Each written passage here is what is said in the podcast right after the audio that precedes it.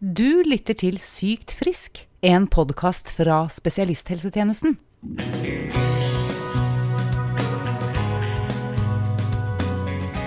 Når du eller en av dine nærmeste blir syk, hva er viktig for deg? Hvordan kan du finne trygg informasjon og forstå diagnose og behandling? Helsepersonell skal støtte deg, men det er også opp til deg. Det skal handle om helsekompetanse i Sykt frisk i dag. Mitt navn er Anette Strømsbo Gjørv, og jeg jobber i regional kompetansetjeneste for pasient- og pårørendeopplæring i Helse Sør-Øst. Og i denne episoden så har vi med oss deg, Wasim Sahid. Du er hjertespesialist, du er spesialist i indremedisin, og vi kan vel også si hva feiler det deg, spesialist? Og så jobber du jo til daglig ved Drammen sykehus, Vestre Viken helseforetak. Hva er helsekompetanse, Wasim? Ja, helsekompetanse er et flott ord, da. Det jo, ligger jo litt i ordet også, og det å ha kompetanse. Å ha evnen til å finne frem i denne jungelen av informasjon.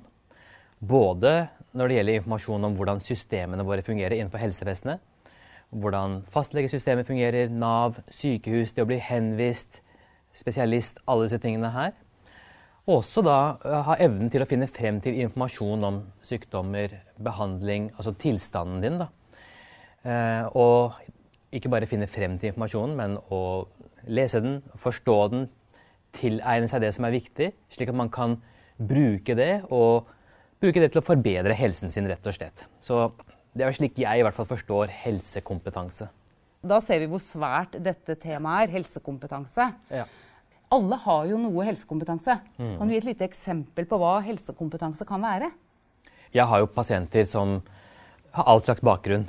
Og jeg har de pasientene som kommer til konsultasjonen ferdig opplest.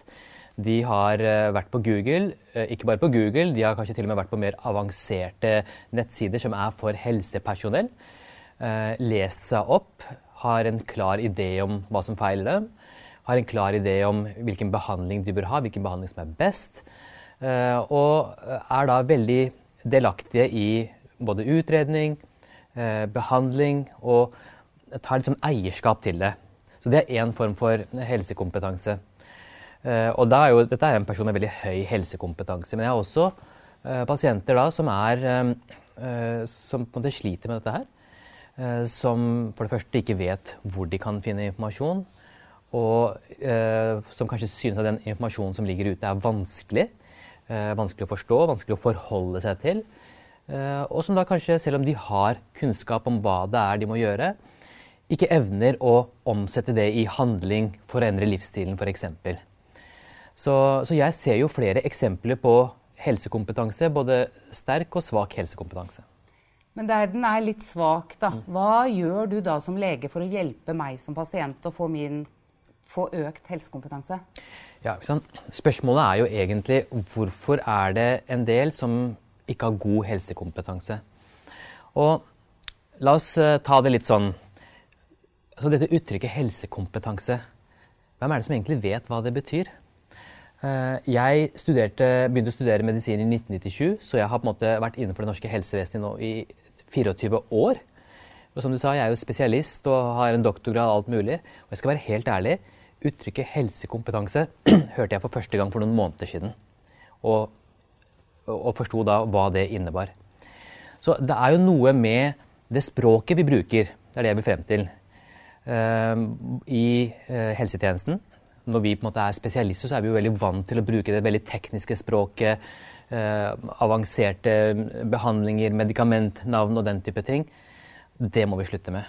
Vi må ha et språk som er, eh, som er lett forståelig for folk flest. Og vi må ha, formidle budskapet på en slik måte at mottakeren klarer å ta imot og, og, og forstå og på en måte bruke den informasjonen. For jeg mener at hele, altså hele poenget med kommunikasjon det er overføring av informasjon fra en person til en annen. Det er det som ligger i kommunikasjon. Og, og hvis du er kjempeflink og kan masse og driver og doserer informasjonen, kommer ikke den frem, så er kommunikasjonen mislykket. Så jeg mener jo at det er, min jobb da er da å kommunisere på en slik måte at mottakeren forstår mest mulig av, av det jeg prøver å formidle. Og hvordan sjekker du det ut at de forstår det? Er ikke kommunikasjon en deling? Det er ikke bare én vei? Ja. Og det er jo en sånn på engelsk da, som de kaller for 'teach back'. Jeg vet ikke, Det finnes et godt norsk uttrykk for det, det gjør det helt sikkert. Men det jeg ofte gjør, da, det er at når jeg f.eks. har holdt mitt lille foredrag på slutten av en konsultasjon, så spør jeg kan du, Det er veldig viktig for meg at du forstår det jeg har sagt. Kan du fortelle meg litt hva du har forstått av dette her? Eller hva du har tatt med deg av det jeg har sagt? Og så, da, så vil jo de da med egne ord uh, fortelle det de har forstått. Og da er det en veldig fin måte for meg å OK, kjempebra, du har forstått det og det, men den tingen der, den vil jeg at du skal gjøre på denne måten. Men du vet at vi sitter jo der kanskje litt sjokkert. Vi har fått en sykdom. Vi kan ha en grunnleggende helsekompetanse i dag ved at vi vet at vi ikke bør spise for mye feit mat eller for mye sukker i kosten, for det kan skape sykdom. Og siden vi vet det, så reduserer vi kanskje fett og sukker. Mm. Så den er vel litt sånn grunnleggende. Den har vi i Norge mm. i dag. Men når det gjelder da å få en ny diagnose, mm. hvordan kan du hjelpe meg til å komme et hakk videre, da? For dette er jo mm. helt nytt for meg. Ja, så det ene er jo at du informerer på en sånn måte at det er forståelig. Og så er det sånn at du tar på en måte noen kontrollspørsmål for å sjekke. Og så er det å gjenta informasjonen. fordi i en sånn situasjon hvor du får en alvorlig diagnose, f.eks., så er det tusen tanker som farer gjennom hodet ditt, og det er ikke sikkert at det er det beste tidspunktet for deg å lære noe nytt. Så ta tilbake på en kontroll en uke seinere, to uker seinere. Uh, og hør, når, kommer til, når, pasienten kommer til kontroll, hør ja, husker du sist gang? Hva snakket vi om? Hvordan du, hva fikk du med deg? Uh, og så La oss ta det en gang til, bare. For det er viktig for meg at du forstår dette her. Så gjentakelse er veldig viktig. Og, det ser jeg jo med, liksom, med, pasienter, og spesielt eldre pasienter. Så må man gjenta ofte for å få dem til å huske det jeg vil at de skal huske. Så det skal ikke være flaut å stille spørsmål? Eller si at 'Å, jeg skjønte ikke hva du sa', jeg nå. Ja, nei, nei overhodet ikke. Flaut skal det ikke være. og Uh, og det er, liksom, det er mange ting man kan gjøre for å avvæpne situasjonen litt. Og selv om det er, om det er alvorlig og er liksom, pasienten kan være fortvilet, så uh, gjelder det å skape en stemning som Uh, hvor pasienten syns det er litt ålreit å være likevel. Og, og, det gjør også at man på en måte lettere tar til seg informasjon. føler jeg. Vi skal jo jobbe i helsetjenesten min nå for å øke denne helsekompetansen mm. i befolkningen. Og det er du veldig opptatt av. Mm. Det hører vi. Uh, men hvorfor engasjerer det deg sånn? Nei, fordi jeg tror tror på dette her med alle har rett til en god helsetjeneste. Har retten til å på en måte ha, ha god helse og ha et godt liv. Eh, og, og, det er da, føler jeg, eh, min jobb å bidra til at alle kan oppnå disse tingene her. Eh, og vi vet jo at vi lever i et samfunn hvor det er sosiale forskjeller, hvor det er forskjell på hvor bra økonomi folk har, hvor bra utdanning de har, hvor god forståelse de har for ting. Altså evnen og viljen til å forvalte informasjon. Og, og, de, og, forskjellene er jo ikke de alltid ansvarlige for selv. Vi har strukturer i samfunnet som gjør at man er der man er i en befolkning. Uh, og, jeg føler at det er på en måte uh, litt av min jobb å, å hjelpe folk da som ikke klarer alt det på egen hånd. Har du tid til det? Eh, er det innafor at pasienten bruker tid og spør deg du, jeg finner ikke fram? Det er absolutt tid for det. Og, og det, er sånn vi, det er klart, er jo, sykehushverdag er travel, men likevel en del ting tar vi oss tid til, og nettopp sånne samtaler. Og så må jeg bare si, da, jeg hørte et veldig fint sitat her om dagen som på en måte rørte meg litt. At uh, hvorfor vil jeg ha alle med? Jo, fordi vi er ikke hele for, før alle er med. Og det er på en måte viktig for meg. da.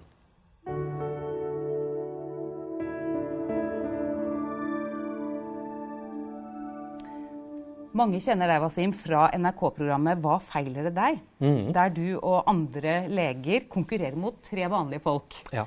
om å finne fram til diagnosen til ulike personer. Og dere bruker all deres medisinske kompetanse, og det har dere i hodet. Mm. Mens folket det får lov til å søke på Google. Hva tenker du om Google-søk? Du nevnte litt i stad. Pasienter ja. kommer til deg ferdig snakka, de vet bare alt selv.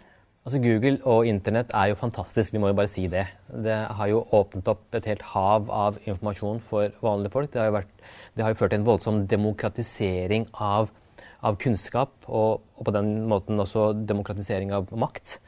Så nå er det ikke lenger sånn at eh, legen er den eneste som vet, og som på en måte forvalter den kunnskapen. Eh, hvem som helst da, kan da gå og skaffe seg denne informasjonen her.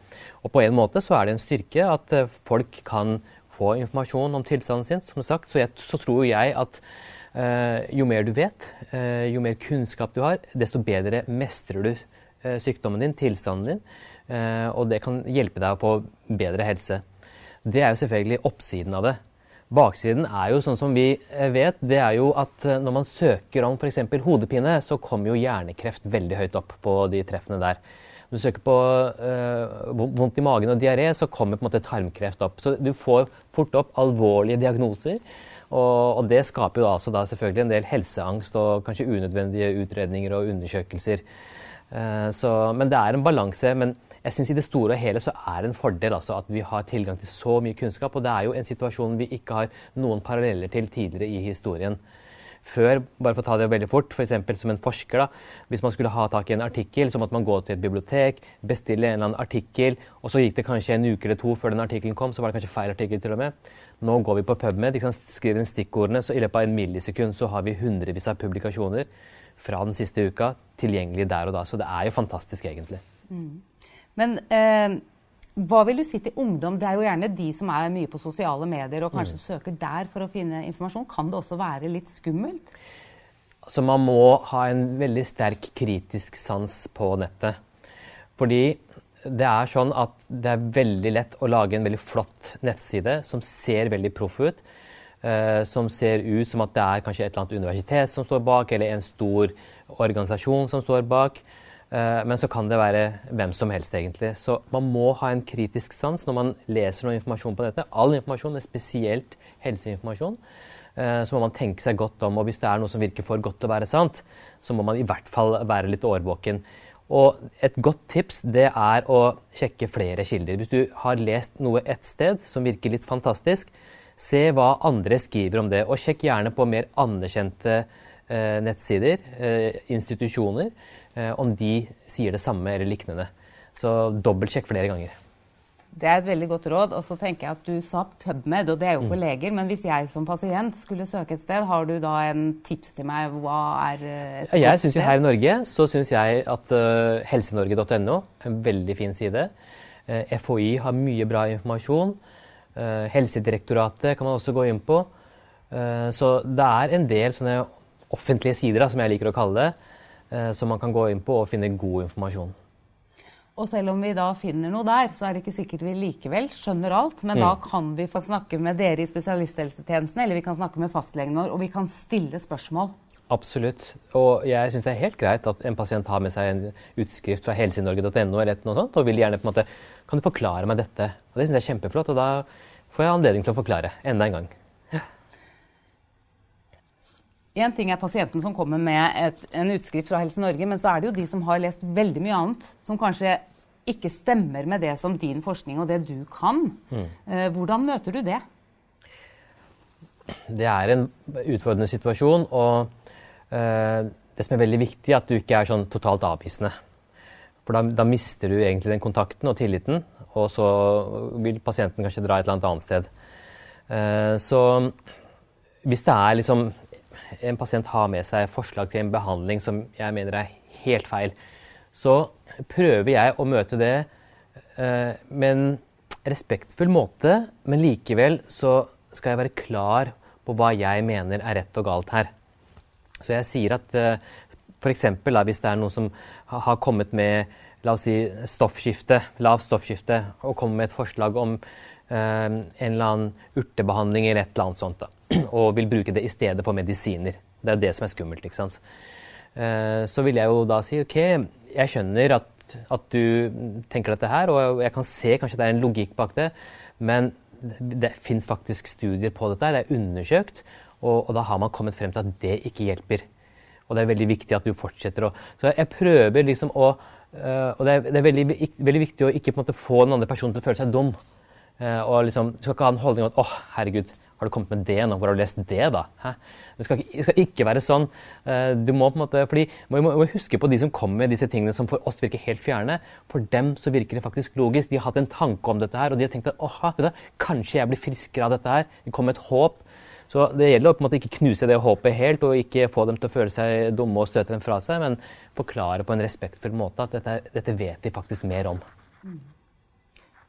Og det var litt interessant at du nevnte lavt stoffskifte. For mm. både lavt og høyt stoffskifte har vi laga e-læring på for pasienter og pårørende som ligger på helsenorge.no. Ja, det, det er jo et uh, tema som veldig mange er veldig interessert i.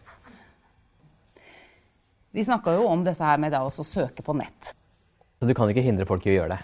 Um, nei, for jeg, altså jeg tenker at uh, folk må jo bestemme det selv. Og vi har en befolkning som er nå egentlig har en stor andel med høyt utdannede som har både evnen og viljen til å forvalte relativt avansert kunnskap og også søke frem til det.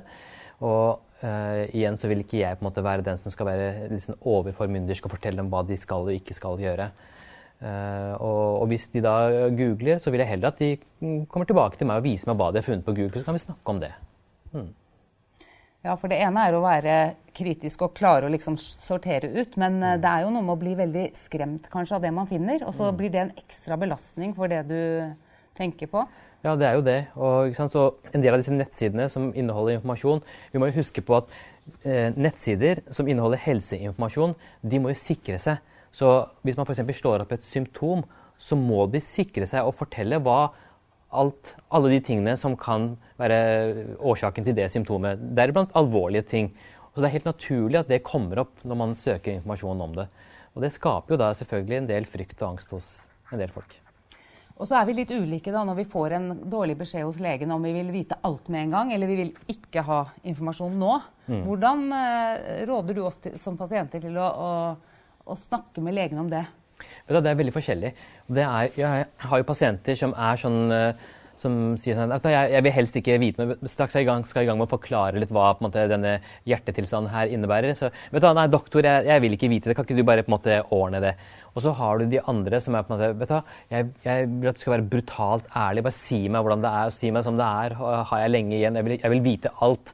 Så, og, og, det er noe du på en måte som lege eller kliniker lærer og tolke situasjoner etter hvert. Eh, straks en samtale kommer i gang, så begynner du å få en idé om hvor denne pasienten ligger, og hva hun eller han ønsker. Eh, så det må du bare kjenne på. Og det og de pasientene som absolutt ikke vil ha informasjon, det respekterer jeg. Og da gir jeg dem informasjon på et sånt nivå som er tilpasset det. Og de som vil vite alt, de får vite alt. Snakker du da noe med dem om den gevinsten de kan ha ved å vite mer om sykdommen sin? Ja, det er jo sånn at jeg, jeg prøver jo uh, sitte med, fordi enkelte ting må de vite, fordi det har med håndteringen av sykdommen å gjøre. Hvordan de skal oppføre seg med behandling, når de skal ta de medisinene. Da er det viktig at enkelte ting må de forstå. Så noe må jeg likevel prøve å måte, dosere ut, at de skal få med seg. Og jeg, jeg, jeg prøver å forklare meg at det er viktig at du vet dette, fordi dette har faktisk å gjøre med hvordan du skal gå og behandle deg selv. Uh, så, så de, den informasjonen må du få. Så da snakker vi jo om pasientsikkerhet, egentlig? Det er jo det det er snakk om. Og, og, helsekompetanse er jo en stor del av pasientsikkerhet. At pasientene finner informasjon, forstår informasjonen og klarer å bruke den til å forbedre helse. Det er jo en stor del av pasientsikkerhet. Og vi snakker nå litt om legekonsultasjonen. Eh, det er jo ikke bare der eller på nett pasientene kan få opplæring. Mm. Vi i spesialisthelsetjenesten tilbyr jo kurs mm. for pasienter og pårørende. Er det noe du anbefaler dine pasienter? Ja, og jeg syns at uh, vi bør ha langt flere kurs. Altså, og som, som, en sånn podkast som dette er jo genialt. ikke sant? Å ha flere sånne ting. Uh, folk bruker nå mer og mer uh, ulike tjenester på nettet.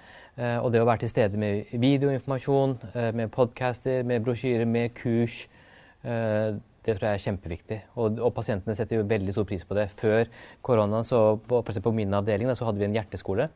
Uh, hvor de som har hatt hjerteinfarkt eller har gjennomgått hjerteoperasjon, uh, kommer. Og så er det et kurs som går over noen ganger. da. Og du ser jo de har kjempestor glede av det. For det første bare det å komme dit, og det sosiale, og det å snakke med en fagperson og komme med bekymringene sine, spørsmål sammen med andre som er i samme situasjon, og så får man et lite foredrag og lærer seg noe.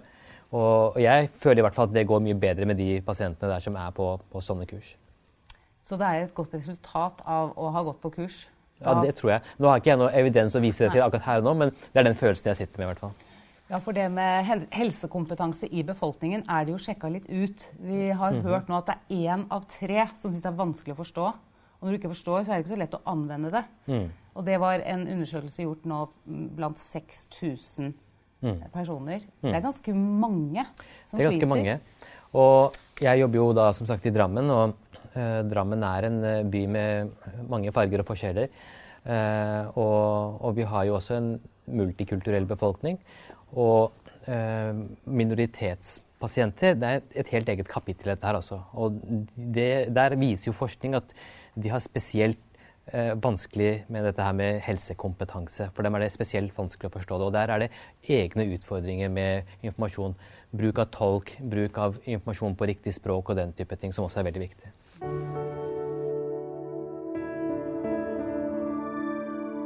Og så er det en annen ting som nå kommer mer og mer, det er at behandling skal skje i hjemmet. Mm. Og det krever jo også en helt ny helsekompetanse, Wasim. Og helt klart. Og, Hjemmedialyse er på vei veldig opp og frem.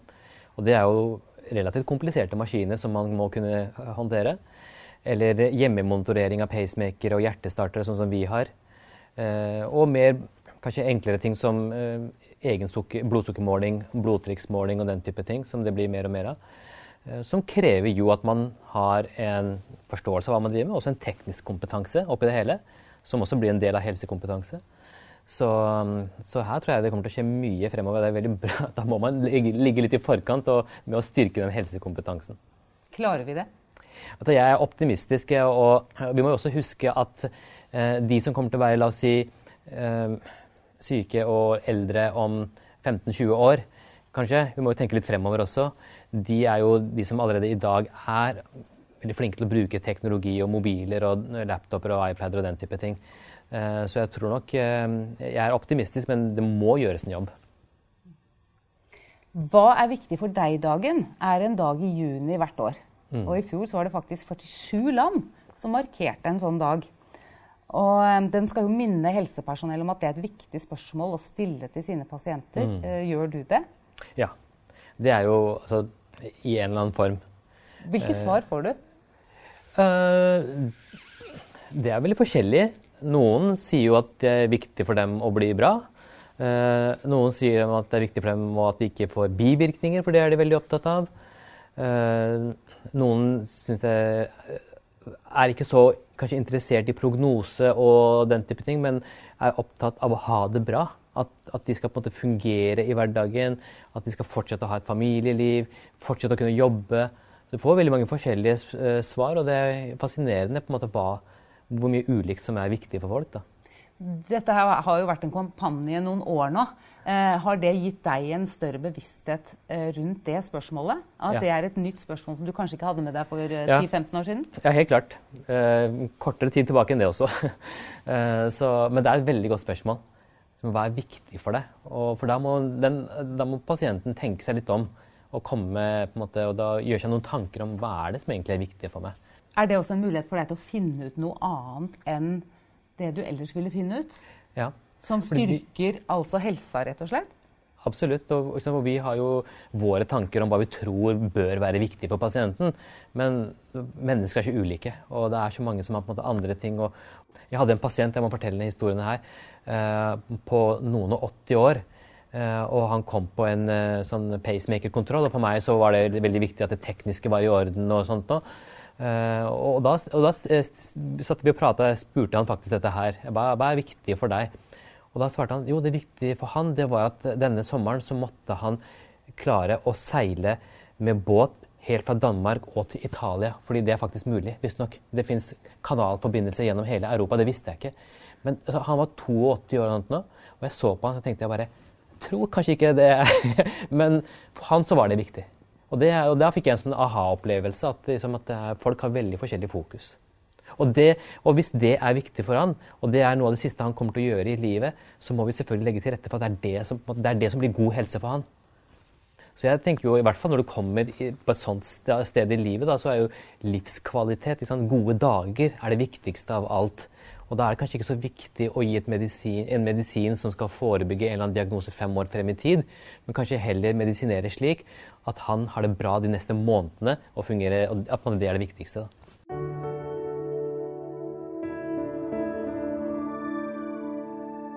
Det er jo sånn at det viktigste verktøyet jeg har i håndtering av en pasient, det er pasientintervjuet, det vi kaller anamnese på fagspråket. Altså det pasienten forteller om sin opplevelse, sine symptomer. Det er det som setter meg på sporet av alt, og det som styrer behandlingen min. Eh, så det er, det er kjempeviktig. Og så har jeg jo da selvfølgelig mitt bidrag i det, som er det faglige, som er det tekniske, som er det medisinske, som jeg da uh, tilfører. Men det er helt klart basis alt, uh, i alt det vi gjør. Det er pasientens ord, og det som pasienten forteller om sin opplevelse av plagene sine. Men dette litt kravet kan vi si det, til at vi skal ha mer helsekompetanse mm. når vi da blir pasienter og pårørende, det kan jo virke litt Det kan virke litt overveldende. Mm. Litt stressende. Kan jo, jeg kan forstå det. Og liksom, hvis det er noen som uh, lytter nå og, og, kanskje har en diagnose og syns det er slitsomt og tungt, og så sitter de der og hører på oss mase om at de må skaffe seg helsekompetanse, det skal de ikke føle. Og, og som sagt, og, og, helsekompetanse kan man også ha på mange forskjellige nivåer. Eh, og det å være ekspert på sin egen tilstand i form av at man vet selv hva som er godt for en, det er også en form for helsekompetanse. Eh, så man skal ikke sitte med dårlig samvittighet hvis man er den typen som syns det er litt vanskelig å drive og søke i dette her. Vi er her, vi har en jobb å gjøre, vi også, og vi, vi passer på dere også. også. Det er veldig godt å høre. Mm. Du har jo lang erfaring som lege og har mye medisinsk kompetanse. Du har mm. lært deg veldig mye. Eh, hva, hva, har du et råd til meg som pasient om hvordan jeg skal orke å gå inn og lære meg mye? Nei, du må kjenne litt på det. Hva du øh, føler er øh, riktig for deg. Eh, og så syns jeg du kan Det går også an å snakke med legen sin om dette her. Eh, og spørre om eh, hva, hva, hva syns du jeg bør liksom, lære mer om? Eh, har du noen forslag til hvor jeg kan, kan lese meg litt opp i dette her? og så, så, hvis man er veldig usikker på hvor man finner informasjon, eller hvor mye, man finner, hvor mye informasjon man skal ha, så er det også et spørsmål man kan stille legen sin. Og legen kjenner deg jo og vet litt kanskje hvilket nivå du bør legge deg på, hva som er bra for deg, hva som ikke er bra for deg å vite, kanskje. Så, så, så snakk med legen om det også. Vi, vi liker sånne spørsmål også. Uh, Samtidig så vil jo jeg bli frisk. Jeg vil bli friskere. Er ja. det en uh, motivasjon? Det er absolutt en uh, motivasjon. Det er et tveget sverd, syns jeg. Fordi Ja, jeg vil gjerne at pasientene skal delta mer, ha høyere kompetanse, fordi jeg mener at det er gunstig for dem. Men det må ikke bli sånn at når en da pasient blir sykere og dårligere, at vedkommende sitter med dårlig samvittighet for at hun eller han ikke lærte seg nok, for sånn er det ikke.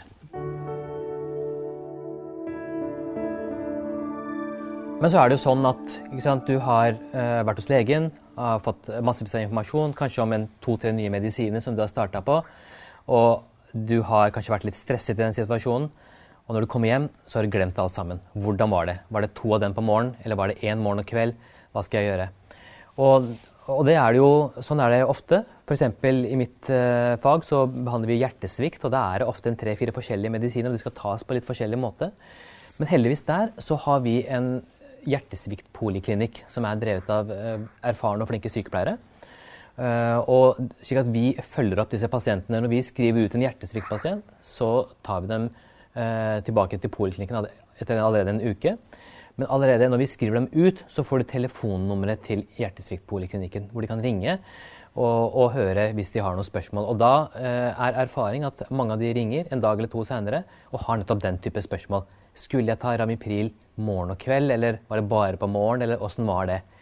Eh, og, og, det er jo da og så er det en kort telefon, og de får svaret, og man får ordnet opp, og behandlingen blir bedre. Og det ser vi jo at sånne sånne tilbud, sånne, sånne poliklinikker, de er veldig viktige i å bedre eh, pasienters helsekompetanse. Når vi blir syke, så blir vi jo kanskje også veldig slitne, og vi er ikke så veldig mottagelige for å få veldig mye informasjon, men vi trenger den. Mm. Eh, så har vi kanskje med oss en pårørende. Hva vil du si rundt det? Det er absolutt en stor fordel, fordi ofte så kan da mannen eller kona huske ting som pasienten ikke husker. Uh, og så er det det, noe med det å ha den der emosjonelle støtten i en vanskelig situasjon. Å ha en, en skulder å lene seg mot, noen å holde rundt deg. Det er noe som også gjør noe med det, som styrker selvtilliten din. Uh, vi har et sånt uh, ordtak i Pakistan. Det er jo at hvis du deler gledene dine, så blir de større. Hvis du deler sorgene dine, så blir de mindre. Og, og, det er noe med, og det vet vi jo, gode sosiale relasjoner. Det er veldig viktig for god helse. Eh, ikke dermed sagt at du må være et lykkelig ekteskap og du må ha en super kjæreste, men kanskje en venn, kanskje en eller annen i familien som du kan spille litt på. Så det, det er veldig viktig. Da er man to stykker i en konsultasjon og hører på hva legen sier, så er det større sjanse for at en av de har fått med seg mer informasjon enn andre. Vi har snakka om betydningen av helsekompetanse. Og hva vil du si er det viktigste pasienter og pårørende som har hørt på oss nå, bør huske fra denne episoden, Wasim? Jeg syns det viktigste må være at uh, ikke vær redd for å spørre legen din. Uh, vi er der for å besvare spørsmålene dine. Og hvis du ikke har fått med deg noe, eller hvis du tror det er misforstått, så er ikke det flaut. For det er ganske vanlig. Spør hvis du er usikker. Du hørte overlege Wasim Sahid i denne episoden i Sykt frisk, en podkast fra spesialisthelsetjenesten.